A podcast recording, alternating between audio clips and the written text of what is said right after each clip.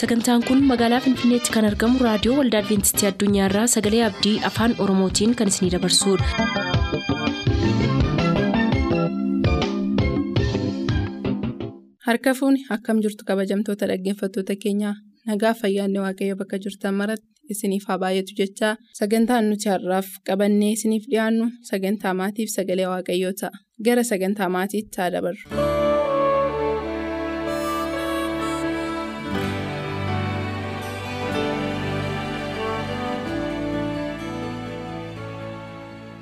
Nagaan gooftaa bakka jirtan maratti isiniif haa baay'atu kun qophii maatiiti.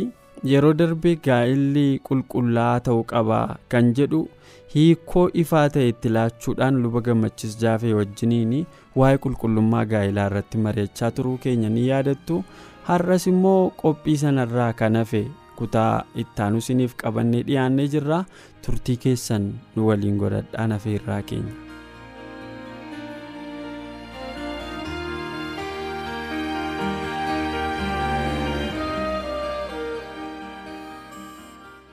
Wanti irratti mari'achuu qaba inni kan biraan ijoollee godhatan ilaalchisee illee yeroo baay'ee naasa'an. Kana manan gaafadha namoota baay'ee isaanii ijoollee meeqa godhachuu barbaaddu yoo waaqayyo isinii kenne yeroon gaafadhu ija kee wal ilaalu malee hin beekani. Hin haasofne kaasan lafaa kaasanii naasa'an. Erga gaa'elatti galanii booda immoo wal lolu. Inni mana barbaannedha isheen mana barbaanneetti lola. Kana irratti kan wal baay'ee isaanii jiru. Daa'ima baay'ee qabaachuu fi dhiisuu irratti kan wal lolan baay'ee baay'eetu jiru jechuudha gaa'ela keessatti. Maaliif erga gaa'elatti galanii booda wal lolu? Dura walii galuu Maaltu dha'u? Waaqa kenna yoo waaqayyo nuu kenne amma kana godhanna ijoollee jedhanii yoom akkamitti amma walirraa fageessina jedhanii mari'atanii bilcheessanii gaa'ela isaaniitti galu. Inni suni gaa'ela keessatti rakkoo uumamuu fi waldhabdee uumamuu salphisa jechuudha. Yoo hambisuudhaa baatellee yoo xinnaate hin salphisa. Kanaaf waa'ee sanaa haasa'uun barbaachisaadha. Waa'ee mul'ata dhuunfaa isaanii haasa'uun barbaachisaadha. Nama gaa'elaaf itti adeemanitti mul'ata jireenyaa qaban, mul'ata maatiif qaban, mul'ata manaaf qaban duwwaatu hin taane mul'ata dhuunfaa isaaniillee abjuu dhalootaa qabanillee wajjin haasa'uun barbaachisaadha. Laa kanadha mul'ati koo asii keenas ga'uu barbaada. Gaa'ela koddoo kanaan ga'uun barbaada. Maatii koddoo kanaan ga'uun barbaada. Jireenyi koo fuula duraa kana paashiniin koo kana yookiis immoo wanni an keessa kootii ba'aan an keessa kootii qabu waan itti gammadee hojjedhu waan jaalladhee hojjedhu waan kana gochuu barbaadu kanadha. Jedhanii wajjin haasa'uun barbaachisaa dursanii. Kan walii beekuun tokkoffaa irratti wal deeggaru. Lammaffaa bor walitti bu'iinsi hin jiraatu. Fakkeenyaaf nama ba'aansaaf mul'atisaa ijoollee hiyyeessaa walitti qabee gargaaruu ta'uusaa. Dursee wajjiniin haasa'anii. Isatu kana qabatee haati manaa akka abjuusaa durii ta'e beetti mul'ata duraanii akka ta'e beetti kanaaf karaa ittiin isa deeggartuu barbaaddi malee kana gochuu hin dandeessu ittiin hin jettu. Gaa'ela keetti dhufe taanaan garuu falmii kaasuu danda'a. Qoccolloo kaasuu danda'a. Kanaaf dursanii wajjin haasa'uu barbaachisa jechuudha. Mul'ata ofii walii hiruun abjuu dhalootaa qaban walii hiruun bor karaa irratti gufannaa nu mudachuu danda'u. Wal hubannaa dhabuu nu mudachuu danda'u hambisaa jechuudha gaa'ela keessatti. Baay'een garuu kanarratti waa hin haasofneef gaa'elli isaanii rakkoo qabaata. Dhimmoota akkasii irratti. Inni kan biraan dhumarratti kaasuu barbaadu maatii keessaa dhufanillee ilaalsee. Maatii keessaa dhufa ilaalsee haasa'uu barbaada wajjin. Maal goona waa'ee maatii? Maatiin keenya maal fakkaatu? Haasa'uu barbaachisa. Waa'ee abbaa keenya haadha keenya haasa'uu barbaachisa. Waa'ee obbolaa keenya haasa'uu barbaachisa. Sababiin isaa yoo ba'a namni haadha isaaf abbaa isaan dhiisa jedhameyyuu. Dhimma murtii gaa'elaa keessatti malee irraa citu jechuun miti firoomata jechuun. Isaan itti deeggarsa keenya barbaadan baay'een. Harka keenya barbaaduu danda'u. Yoo mallee harka keenya barbaadan ta'e nuun nu barbaaduu danda'u. Kanaaf waa'ee maatii keessaa dhufnee dursinee wajjin haasa'uun barbaachisaadha. Fakkeenyaaf namni nuyi gargaaruun dirqama kootii inni fudhanne yoo jiraate an dirqama qaba kana fudhadhe yoo jiraate dursee wajjin haasa'uutu irra jiraata. Ishees dursitee wajjin haasa'uutu irra jira. Abaloo baluuni barsiisuun narraa eegama. Kanan gochaa jira. Barsiisaan jira. Amman sadarkaa kanarraan isaan ga'utti itti gaafatamummaa koo godhee fudhadheera. Jedhamee dursameetti immoo gaa'ela keetti maaliif barsiifta maaliif gargaartaa hambisaa jechuudha. Yoo gargaaruu irra jiru ta'e gamanumaaf durseema jechuudha. Gargaaruu qabu taanaan immoo dursanii walii galaniiru. rakkoo kaasuun qabu. Rakkoon kaasu. Amma humna keenya waan gargaaru bifa kanaan gargaarra. Maatiin koo kana kana barbaadu maatiin ishee kana barbaadu wajjin haasa'uu barbaachisa jechuudha. Wanti sun ifa ta'e jennaan mata dhukkubbiin qaba. Ani kana muuxannoo irraa kaasee dubbadha. Haadha manaa koo wajjiniin tuunni gaa'elatti hin galin dura waa'ee maatii kootii wajjiniin haasa'eera. Waa'ee maatii isheetiin wajjiniin haasofteetti. Kun ammoo gara waggaa kudha shanii guutuuf jenna gaa'elatti erga galle. Waggaa kudha shan dura kan wajjiniin haasofnitu gaa'elatti hin galin waa'ee maatii keenya har'allee hin jijjiiramne. Akka maatiin koo gargaarsa irraa barbaadan sana gochuun immoo dirqama koo akka ta'e waan humna keenyaa gochuun akka nurraa eegamu dursi ni haasofne. Waa'ee maatii isheetti akka ittiin haasofne. Guyyaa tokko jireenya koo keessatti waggaa kudha shan keessatti waan an dhugaa bahu gaa'ela koo keessatti guyyaa tokko haati manaa koo haadha keetiif abbaa kee obbolaa kee maa kana gooteef maa kana gargaarte naan jettee beektu. Waaqayyoo fa'aa galatti. Guyyaa tokko jechuudha. Dursi ni haasofne waan ta'eef suni wanti dursanii wajjin mari'atan haasa'an kun ittiin bulmaata mana ofii ta'a. Heeran mootummaa mana keenyaa ta'a. Isheen na yaadachiisa waan sidibu. Waa gootee beektaa, waa ergiteefii beektaa kan naan jettu isheedha. Kan biraa miti yeroon mana barumsaadhaaf biyya alaa deeme miindaan koo dhaabateera. Ani immoo barumsa irra hin jira. Miindaa ishee duwwaatiin ijoollee jiraachifti. Garuu isaan hin gargaaru addaan hin kunne. Amma dandeessu jechuudha. Kun egaa isaa dhufee dursanii wajjin mari'achuu wajjin haasa'urraa kan dhufedha jechuudha. Agartee ammam akka inni salphisu. Karaa irratti wal lolaan deemtu. Wajjin waggaa shan jiraattee waa'ee maatii keetii waliin loltu waggaa kudhan jiraattee waa'ee maatii keetii wal lolaan jiraattu.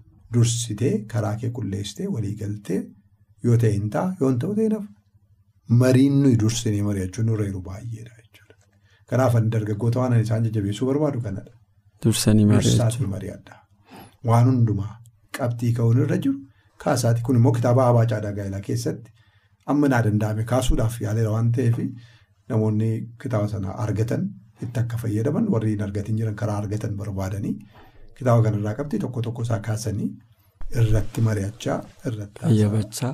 adeemuun gaarii ta'a jechuun barbaada. Baay'ee gaariidha paaster turtii baay'ee ajaa'ibaa walii wajjin qabaannee fi dhaggeeffattoonni keenyas har'a toorarra turanii nu dhaggeeffachaa turan hedduu kan eebbifaman kan ayyaanomanidha dheena abdadhaa sababiin isaa waanuma jireenya keenya keessatti keessa jiraannu kana akkaataa inni jireenya keenyaaf hiikoo gaarii kennutti deebisanii uummataaf dhiyeessuun ayyaanomuudha.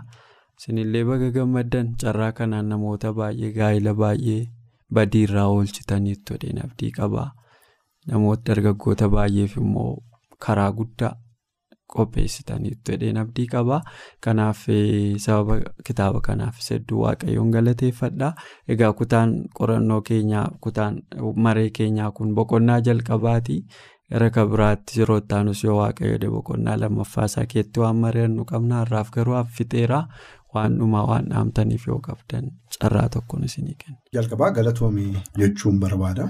Sagantaa kan akka dhiyeessuuf waamicha waan naa gootanii fi lammaffaanis waaqayyoon galateeffachuun barbaada. Waa'ee kitaaba kanaatii fi waaqayyoodha kan yaada sana keessa kaa'e akka maxxanfamu akka namoota bira gahuufis kan na gargaare waaqayyoodha. As keessatti namoonni kitaaba kana maxxansuu irratti gumaacha qaban jiru. Maallaqaan kana gargaaran namoonni jiru. Akkasumas ediit gochuu irratti namoonni na gargaaran jiru. Maqaa dha'uu yoo baadhee hunduma isaanii kaan kaan isaanii maqaa akka dhaamu fedhii isiin qaban waan ta'eef fayyama isaanii malee akka kitaabni kun namoota bira gahu kan gumaachan namoota baay'ee jiru jechuudha. Jalqaba isaarraa kaasee immoo namoonni yaada isaa akka barreessuuf na kakaasaa turan namoota baay'eetu ture. Isaaniin dabalatee hunduma isaanii waaqayyo isaan eebbisu jechuun barbaada. Inni kan biraan egaa. Kitaaba guddaa miti tarii namoonni kitaabicha hin argine kitaaba baay'ee guddaa miti waan baay'ee waan hin beekuuf waan baay'ee barreesseera otoo hin taane namni waan of harkaa qabu yoo darbate dabeessan jedhamu dondhasiin jedhamu jedhama. Kanaaf amma namarra ga'ee jirutti hubannaan qabu qooduudhaaf yaaleera. Irra caalaan kaayyoo barreessuu kitaaba kooti xiyyeeffannaa namaa gara kanatti harkisee namni waa'ee gaa'ela isaatii dhaabatee akka inni yaadu.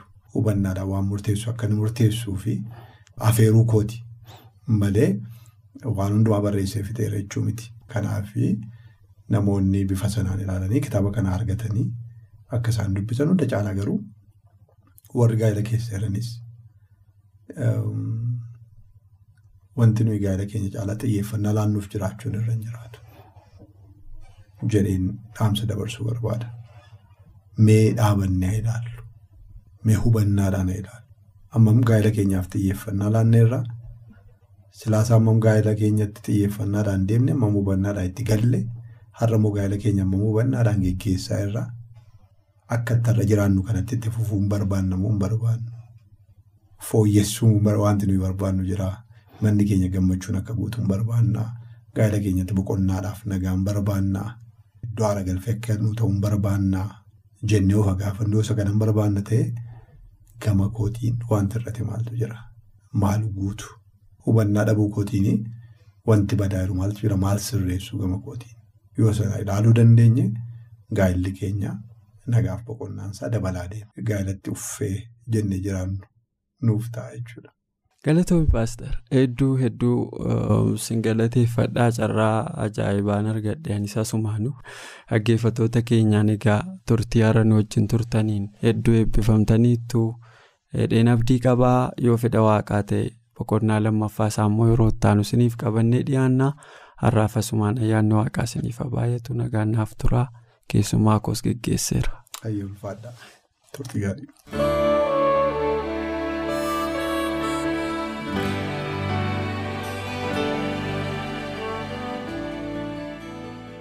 turtanii raadiyoo keessan kan banattan kun raadiyoo adventistii addunyaa sagalee abdiiti.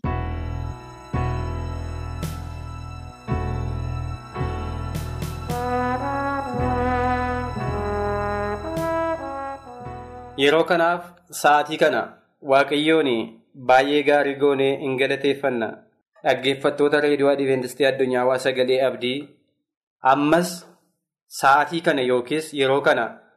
Yeroo darbe ilaallee kan turre mata duree warra hidhamaniif ergaa jajjabinaa jedhu wayitii muraasa waliin ilaallee turre ammas ifi waaqa akka nuu kennamuuf iddooma jirru hundumaatti boquu keenyaa gadi qabachuudhaan kadhata gabaabaa godhannee gara sagantaa keenyaatti dabarraa hin kadhan. Bantiiwwan waaqaatiif lafa galaanaa burqoota bisaanii isa uumtee waan hin jirretti waan jiru guutummaa ta'iidhaan kan taasisuudhaan jiraachifte waaqayyo abbaasii galateeffannaa yeroo kanaaf iddoo kanaaf galanni ulfinni guddinni siif haa ta'u. Maqaa ilma kee qulqulluu gooftaa yesuusiin maqaan kee eebbifamu. Amma immoo si kadhanna. Mata duree ergaa jajjabinaa warra hidhamaniif caaffata qulqullaawaa keessaati keesse dhugumanus sirkaa fuunee warra hidhaman ittiin dubbanna. Gurri saba keetii kana dhaga'uudhaan gurri ijoollee keetii kana dhaga'uudhaan haa jajjabaatu. haa eebbifamu sagantaa kanatti ati makami keessaa yaada abbaa ormaa ifadhu nagaan nu tursi maqaa ilma kee gooftaa keenya fayyisaa keenya kiristoos yesuusiin ameen. itti aansuudhaan dhaggeeffattoota yeroo darbee ilaallee kan turre mata duree warra hidhamaniif ergaa jajjabinaa jedhu sana ammas hangaa yeroon keenyaaf sa'aatiin keenya nu ayyamee itti fufuudhaan in ilaalla.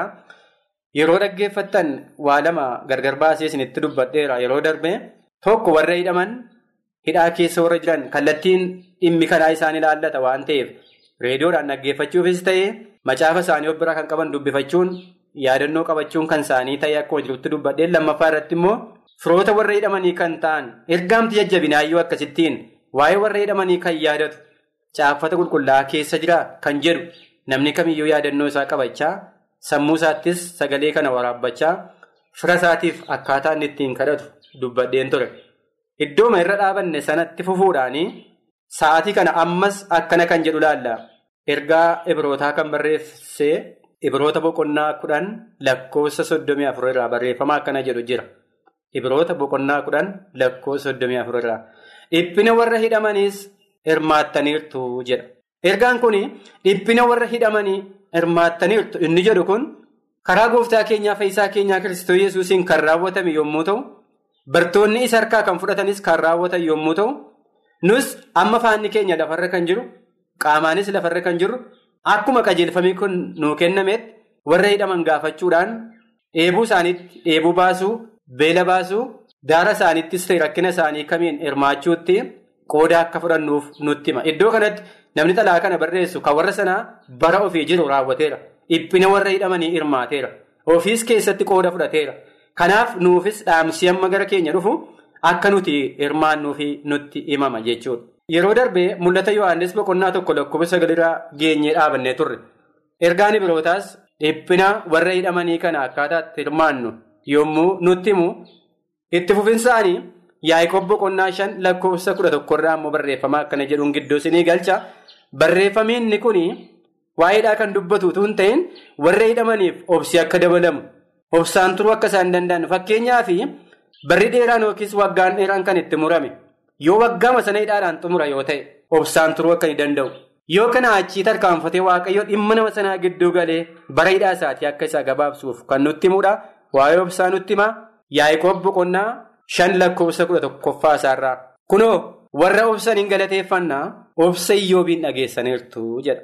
Kunoo warra obsan hin galateeffannaa obsa iyyoobiin dhageessaniirtu. Seenaa iyyoobiin gabaabsee yoon dubbadde qabeenyaan isaa dhumuurra darbee ijoolleen isaa yommuu dhumte obsi isaa guddaa akka ta'e. Boqonnaa isaa tokkoffaa keessatti dhumaatiin sun yommuu galmeeffame boqonnaa afurtamii lammaffaa isaa keessatti immoo dachaa deebi'uu isaa yommuu namatti himu sun jiraachuu macaafa qulqullaa keessa ragaan akkasii jiraachuullee beektanii obsaan sa'aatii keessan umurii keessan akkasiin dabarsitan. Obsaanis fuula waaqayyoo akkasiin turtan turtanii ennaan immoo isa gaafattan gaaffiif deebii akkasiin argattan balballi isin rukuttan akkasiin banamu gaaffiin keessan deebii akka hin argatu naannaa amansiisaa isinis akka kanaatti akka of amansiiftanidha warri hidhamtanii jirtan. Mana hidhaa keessatti baay'ee kan namatti tolu anaan kan na ajaa'ibu wangeelli galuunsaa mana adabaa keessatti namni hidhamaan bilisummaa argatee kadhannaadhaaf yeroo kadhannaa argachuunsaa anaan baay'ee na ajaa'iba. Fakkeenya bareedaan isinii taa'ee yaada dhiyeenya kana mana adabaa gimbii warra sayyoo irratti dhaqee warra hidhaman tajaajileen ture. Akkamitti akka wangeelli mana hidhaa keessa galees na ajaa'ibe akkamitti bilisummaadhaan mana adabaa keessaa manni kadhataa iddoo tokkotti isaaniif akka kennames na dinqisiise. Mootummaamti kanallee nu gargaaruudhaan yaada keenya hubatee kana isaaniif kennes na ajaa'iba walumaa gala galanni waaqayyoof haa ta'u. Achi keessatti kan hin ilaale adabbiin garmalee kan itti adabame kan jiru waa tokko tokko ilaalleera. Umriin isaanii kan achi keessatti baay'ee darbaa jiru ilaalleera. Boo'ichaan waaqayyoon kan kadhatan ilaalleera. Hidhamtoota ta'anii ka'anii akkaataa isaan itti faarfatan ilaaleen ture wanta baay'ee gaafas ilaaleen. Dubbachuudhaaf yeroon illee naanqata waan nama gammachiisu waan bareedaadha wanti mana hidhaa keessatti waaqayyo hojii isaa hojjechaa jiru. Kanaaf warri hidhaman yoo obsan waan gaafatan ni argatu waan barbaadanis ni argatu balballi isaan irra dhaabatanii kadhannaadhaan rukutanis isaaniif hin banamu. Barreeffama akkana jedhuun isiniif ilaala. Kiristoosii jedhee kana hidhame barreeffama jedhutu macaafa qulqulluu keenya keessa jira. Kiristoosii jedhee kana hidhame. Kun immoo fiilmoonii. Boqonnaadhaan barreeffamee jiru lakkoofsaan barreeffameera. Paawuloosii kan ergu xala'aasaa fiilmooniif yeroo barreessu barreeffama akkana jedhutu fiilmoon lakkoofsa salgaffaasaa fi kurnaffaasaa irratti barreeffamee jira. Fiilmoon lakkoofsa salgaffaasaa fi kurnaffaasaa jaalalaa jedhee garuu sin kadhadhaa akkanumas ani paawuloos namni jaarsi ammas kan hin hidhame yesus kiristoosii jedhe kan hin hidhame. Yesuus kiristoosii jedhe iddoo kanatti waa lama gargar baamu. Mana hidhaa keessatti mataa isaaniif jecha haala tokko tokko miidhama isaan ofirra fidaniif jecha kan hidhaman jiraachuu danda'u. Inni kun garuu kan mataa isaatii utuu hin taane Yesuus kiristoosiif jedhee kan hidhame ta'ee utuu hin jiru jedha. Yesuus kiristoosiif jedhe iddoo kanatti waa lama laalla eebbi guddaan tokko warra Yesuus kiristoosiif jedhanii hidhamaniif yommuu ta'u inni lammaffaan immoo kanuma mataa isaanii yoo ta'u dogoggora sa'aatii sana. Foonii fi miiraan waa godhaniin yoo ta'u amma gaabbanii deebi'anii kadhachuu namootaatiif eebbiin ta'a mana hidhaa kana keessatti. Barreeffamni lakkoofsa kurnaffaa isaa irraa akkas jedha. Sin kadhadha ilma koo Ooneesimoosii hidhama kootti kanan dhalche jedha. Kun bu'aa mana hidhaa keessatti argame jechuudha.